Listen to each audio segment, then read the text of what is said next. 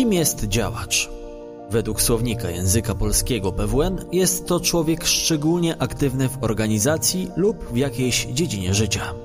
Co zatem możemy rozumieć pod pojęciem szczególnej aktywności w piłce nożnej? Długo by dyskutować. Dzisiejszy odcinek zaczynam od tego pytania, ponieważ pod koniec ubiegłego roku media informowały o zakończeniu procesu i wyroku dla działacza piłkarskiego Ryszarda F., pseudonim Fryzjer.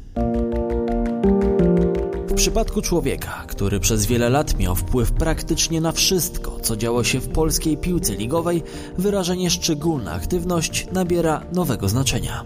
O ile wydaje mi się, że nie ma wśród nas osoby, która nigdy przynajmniej nie usłyszała o legendarnym fryzjerze, który rządził polską piłką, o tyle nie każdy zna jego historię. Jak to się stało, że od jednego człowieka zależało aż tyle?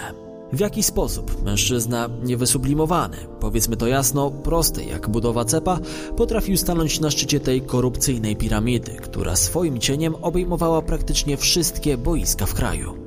Jak doprowadził do tego, że postawiono mu ponad 100 zarzutów, w tym o założenie i kierowanie zorganizowaną grupą przestępczą? Owiana złą sławą działalność Ryszarda F. to materiał na obszerną książkę. Chciałbym jednak w miarę możliwości skompresować lata tej szczególnej aktywności w jeden odcinek. Opowieść o człowieku, który zamiast układać fryzury, postanowił ułożyć futbol. Po swojemu. Z tej strony Konrad Szymański. Przed Wami historie z boiska. Pierwszy tego typu piłkarski podcast w Polsce. Jeśli słuchasz tego na Spotify, możesz zaobserwować mój podcast. Po naciśnięciu tej opcji nie ominiesz żadnego odcinka. Historie z boiska. Ciekawsza strona futbolu.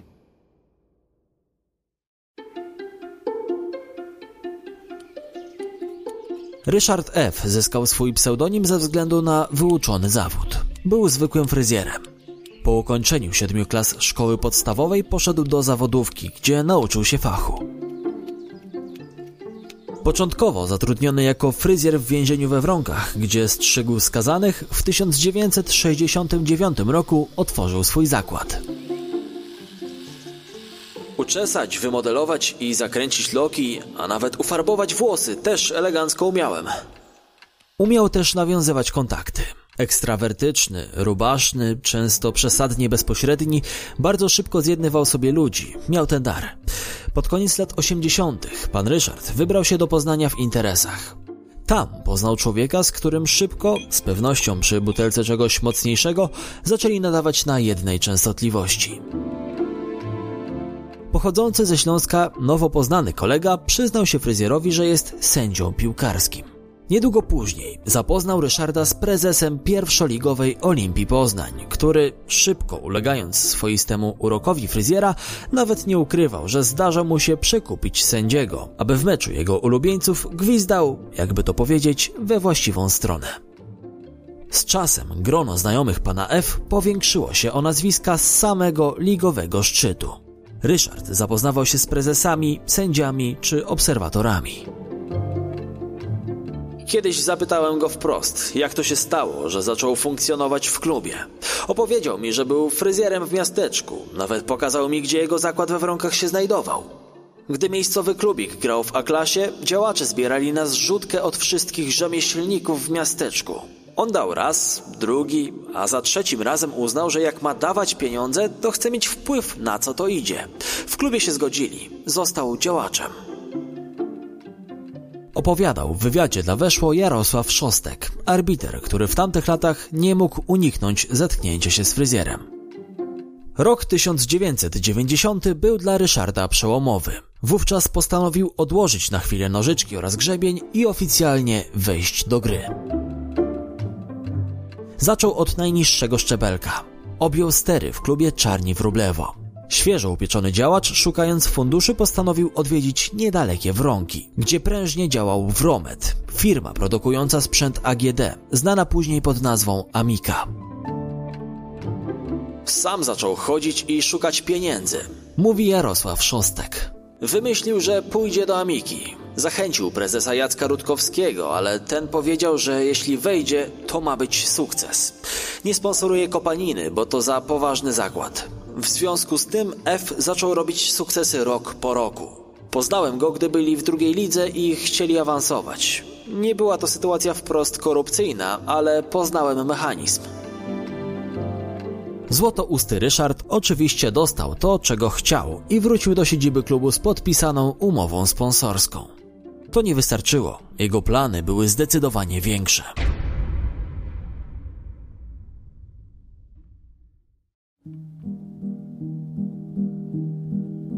Mając za sponsora Wroniecki Wromet, fryzjer zaproponował, aby połączyć jego czarnych wróblewo z sąsiadującym zespołem Błękitni Wronki w jeden klub. Propozycja została przyjęta entuzjastycznie. 21 czerwca 1992 roku oficjalnie powstała nowa drużyna Amika Wronki. Amika, rzecz jasna, wystartowała z poziomu B klasy. Ryszard doskonale wiedział, że nawet przy jego oratorskich umiejętnościach awans do najwyższej klasy rozgrywkowej, którą wówczas była pierwsza liga, musi rozegrać się na boisku. Nawet przy corocznym awansie droga do elity zajęłaby Amice kilka lat. Ryszardowi się to nie podobało. On chciał walczyć o najwyższe cele od zaraz. Ale regulamin to regulamin, nie było innego wyjścia. Chociaż, czy na pewno? Tu warto przypomnieć kultowy tekst z filmu Poranek Kojota, który jak ulał pasuje do naszego bohatera. Jeżeli czegoś nie da się zrobić, potrzebny jest ktoś, kto o tym nie wie, przyjdzie i to zrobi. W pierwszym sezonie Amika awansowała do A-klasy. Niby wszystko zgodnie z planem, niby awans rok po roku, niby krok po kroku. Ale Ryszard był niepocieszony, że prawdziwa rywalizacja może się zacząć dopiero za kilka sezonów. Postanowił zatem to zmienić. Jak? Dokładnie tak, jak to miał w zwyczaju. Zagadać, przekonać i tyle, jeśli chodzi o oficjalną wersję wydarzeń.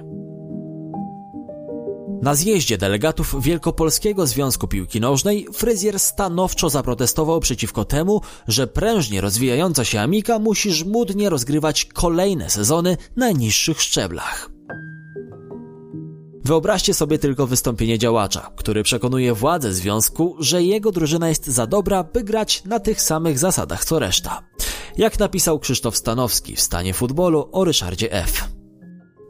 A jednak z szóstej do czwartej ligi Amika awansowała bezpośrednio i to był pierwszy wielki numer architekta. Świadek tamtych wydarzeń wspomina. Przekonano wszystkich, że taki potencjał nie może się marnować. Że gdyby Amika po wygraniu szóstej ligi musiała grać w piątej, byłby to sportowy bezsens. Wielkopolski Związek zgodził się z tą argumentacją, a jakich jeszcze argumentów użyto, nie wiem.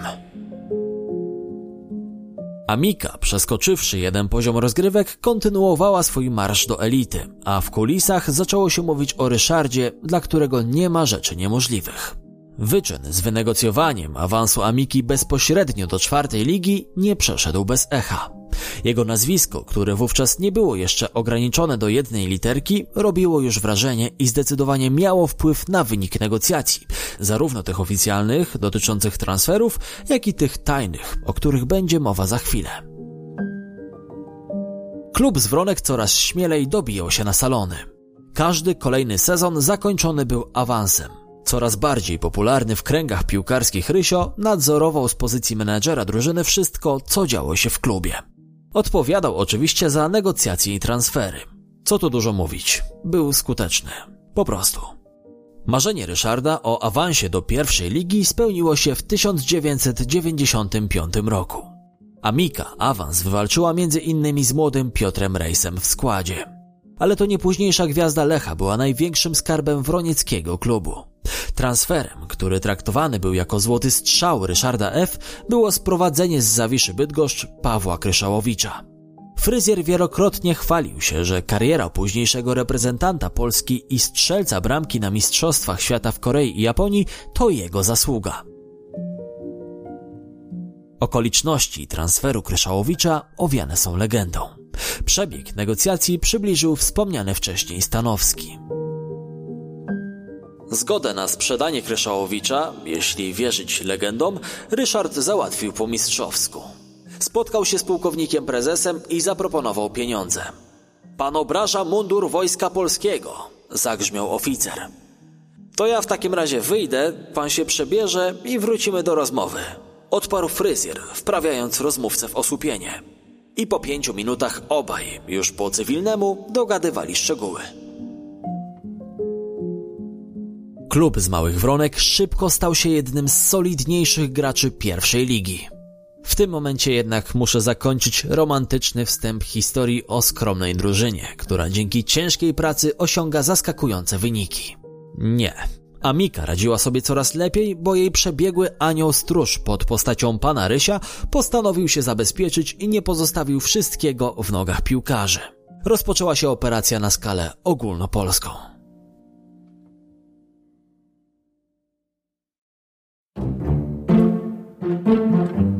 Być może fryzjer uznał, że cierpliwie czekając kilka lat na grę swojego klubu w pierwszej lidze, zasłużył na to, by teraz z miejsca włączyć się do walki o mistrzostwo.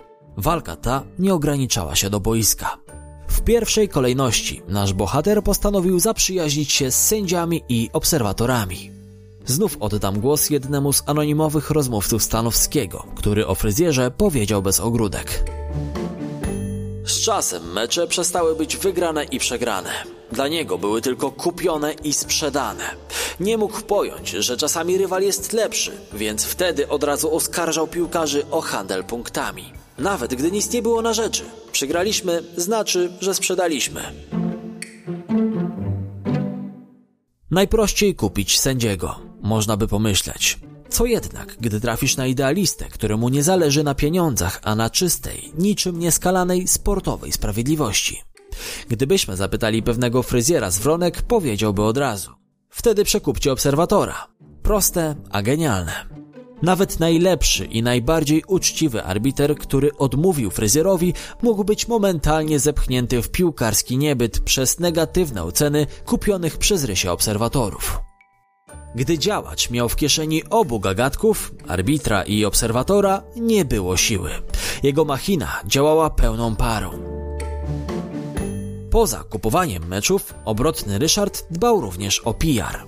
Gdy gazety organizowały plebiscyty na najlepszego piłkarza, zadaniem juniorów Amiki było wypełnianie kart do głosowania nazwiskami wskazanymi przez pana F. Fryzjer w podobny sposób wpływał na wyniki plebiscytów na najlepszych arbitrów. Laureaci mieli świadomość, kto stoi za ich zwycięstwem. Dostawali tym samym jasny komunikat rodem z Ojca Chrzestnego, czyli kiedyś poproszę cię o przysługę. Tylko tyle i aż tyle.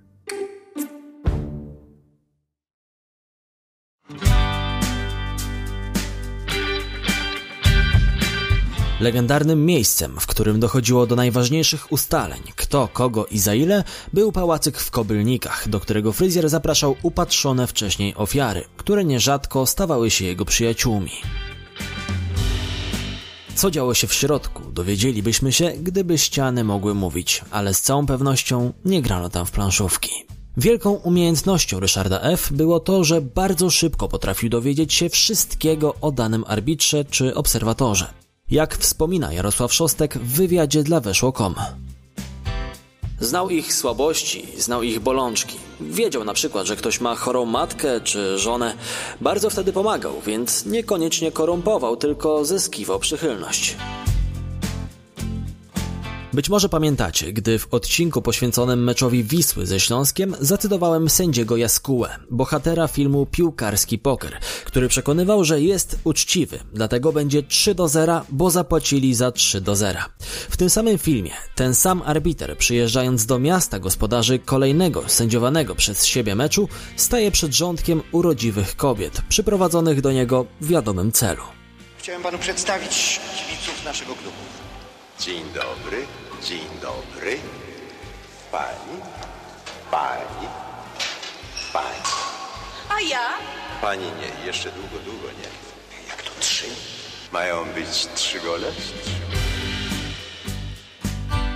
Wierzcie lub nie, ale według relacji świadków organizowanych przez fryzjera imprez w Kobylnikach, powyższe sceny naprawdę miały miejsce.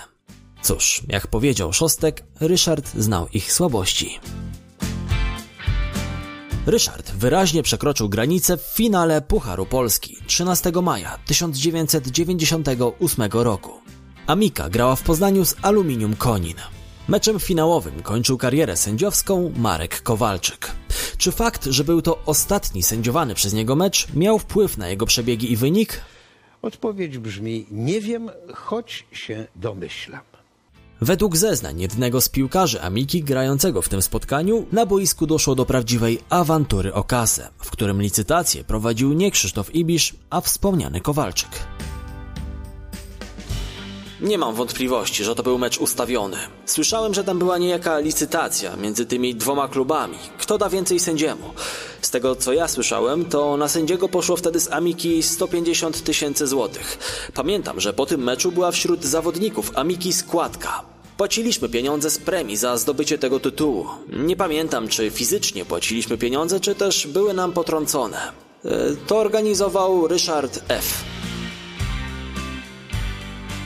Tak stronnicze sędziowanie i wykartkowanie piłkarzy aluminium siedmioma żółtymi i jedną czerwoną nie uszło uwadze mediów, kibiców i, co ważniejsze, najwyższym władzom PZPN. Sami piłkarze nie ukrywali już, że zdają sobie sprawę, że biorą udział w cyrku, którego szefem jest Ryszard.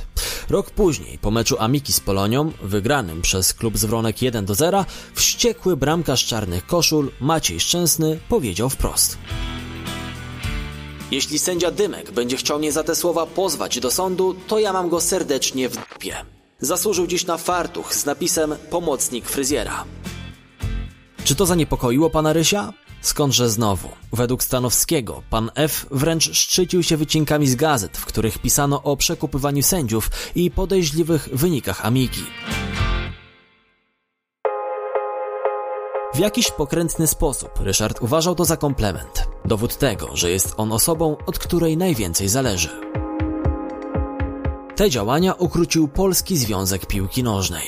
W 2000 roku prezydium związku uchwaliło, że Ryszard F. zostaje uznany za persona non grata, osobę niepożądaną w polskiej piłce, w związku z czym nie może już pełnić oficjalnych funkcji i czynnie działać w strukturach klubowych.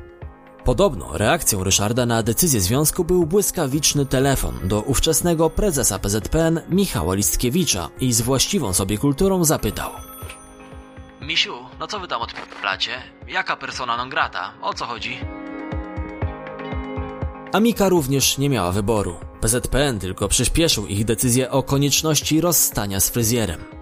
Twórca Amiki, która z drzwiami i framugą weszła do polskiej ligi, zdobyła trzy puchary Polski i kwalifikowała się do europejskich pucharów, teraz z dnia na dzień został odstawiony na boczny tor.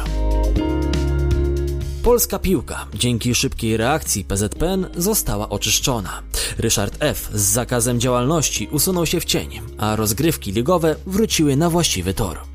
Od tego momentu wyniki meczów i ostateczny kształt tabeli zależał wyłącznie od dyspozycji piłkarzy. Otóż nie.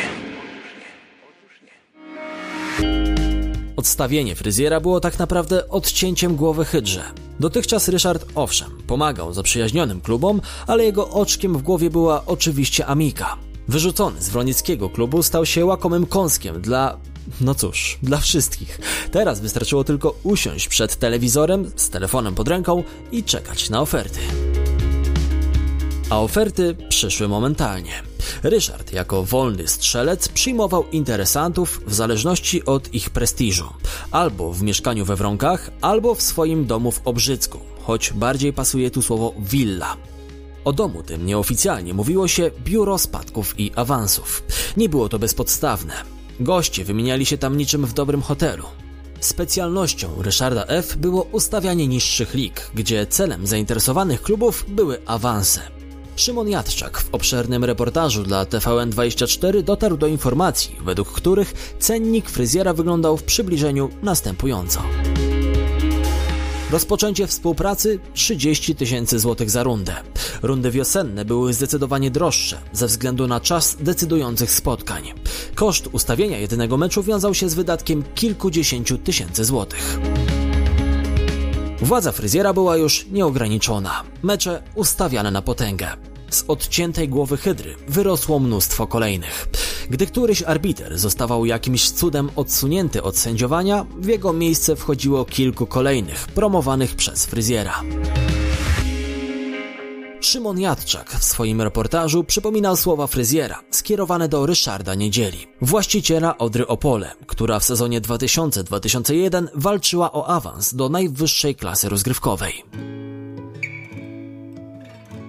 W piłce nie ma przypadków. Od 1990 roku nikt przypadkowo nie zdobył Mistrzostwa Polski.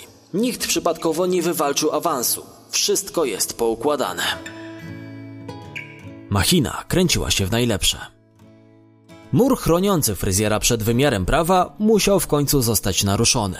Pierwsze drobne pęknięcie powstało, gdy zwolniono go z Amiki. Kolejne uderzenie, tym razem mocniejsze, które naruszyło konstrukcję korupcyjnej ściany, nastąpiło w 2004 roku, a zadał je dziennikarz wrocławskiego wydania Gazety Wyborczej, Artur Brzozowski. Napisał on reportaż, w którym ujawnił, że mecz drugiej ligi między Zagłębiem Lubin a Polarem Wrocław został przez Miedziowych kupiony. Artykułem Brzozowskiego zainteresowała się prokuratura rejonowa. Ruszyło śledztwo. Po przesłuchaniach kolejnych oskarżonych oraz świadków we wrocławskiej prokuraturze zawrzało. Śledczy wpadli na trop gigantycznej siatki powiązań. Sprawę ze względu na jej wymiar przejęła prokuratura krajowa. Tekst Brzozowskiego okazał się iskrą, od której płomień momentalnie się powiększał. Kolejnym punktem zwrotnym było wejście do gry Piotra Dziurowicza, ówczesnego prezesa GKS Katowice, syna byłego prezesa PZPN-u. Dziurowicz zgłosił się na policję, by pomóc w śledztwie.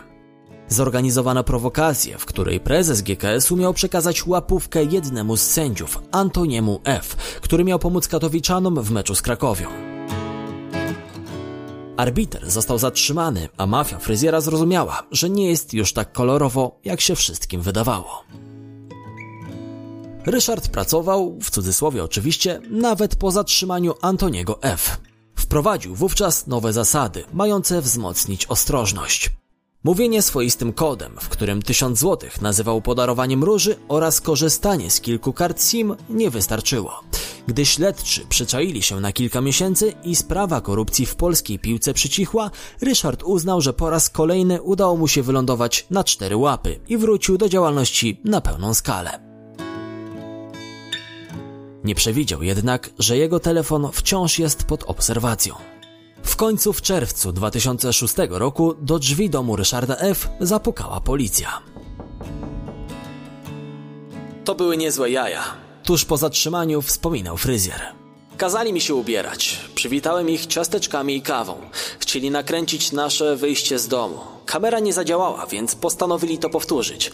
Zgodziłem się. Powtórzyliśmy. Drugi i trzeci raz, ale nic nie nakręcili. Dopiero wtedy powiedziałem, żeby dali sobie spokój i jak mamy gdzieś jechać, to jedźmy.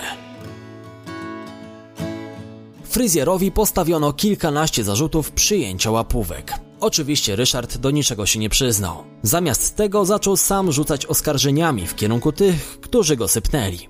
O wspomnianym wcześniej niedzieli, który przyznał, że zapłacił Rysiowi ponad 400 tysięcy złotych, broniąc się rozpaczliwie powiedział.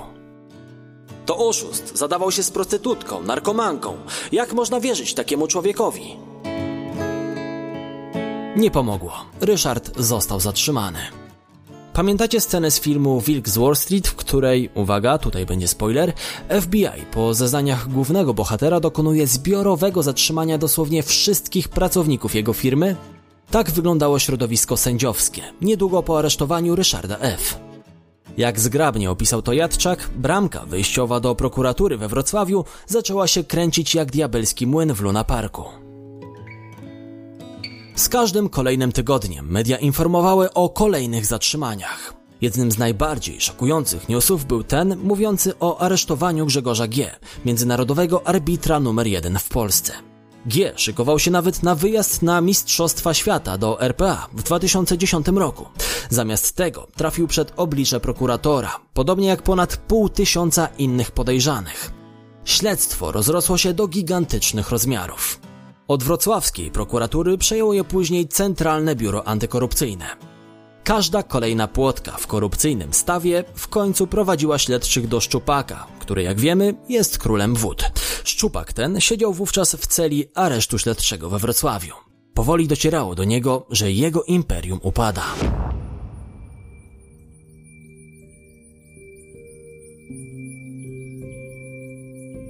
Oszczędzę Wam wszystkich szczegółów dotyczących zarzutów, przedawnień, zmian w prawie i pozostałych kwestii, które wpłynęły na to, że afera fryzjera zakończyła się dopiero w grudniu ubiegłego roku.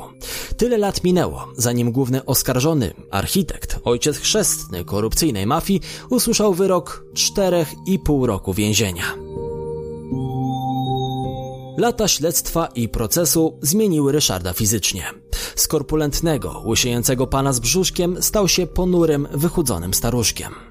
Gdy skończy odsiadywać wyrok, będzie dobiegał osiemdziesiątki. Trzy dekady wcześniej prężnym krokiem wchodził do gabinetu szefa Amiki, by negocjować umowę sponsorowania maleńkiego klubu piłkarskiego. Dziś monotonnie o określonych porach przekracza próg swojej celi, by zaczerpnąć powietrza na więziennym spacerniaku. Kiedyś wraz z Jackiem Kmiecikiem pojechaliśmy do Poznania na spotkanie z nim. Jacek zaproponował. Rysiu, napiszmy książkę. Tytuł Jak ustawiałem ligę. A Rysiu podrapał się po wysokim czole, uśmiechnął się w charakterystycznym stylu i odparł jakby z dumą. Nie jak ustawiałem ligę, tylko jak ustawiłem ligę. Tak kończy się historia fryzjera, człowieka, który ustawił ligę.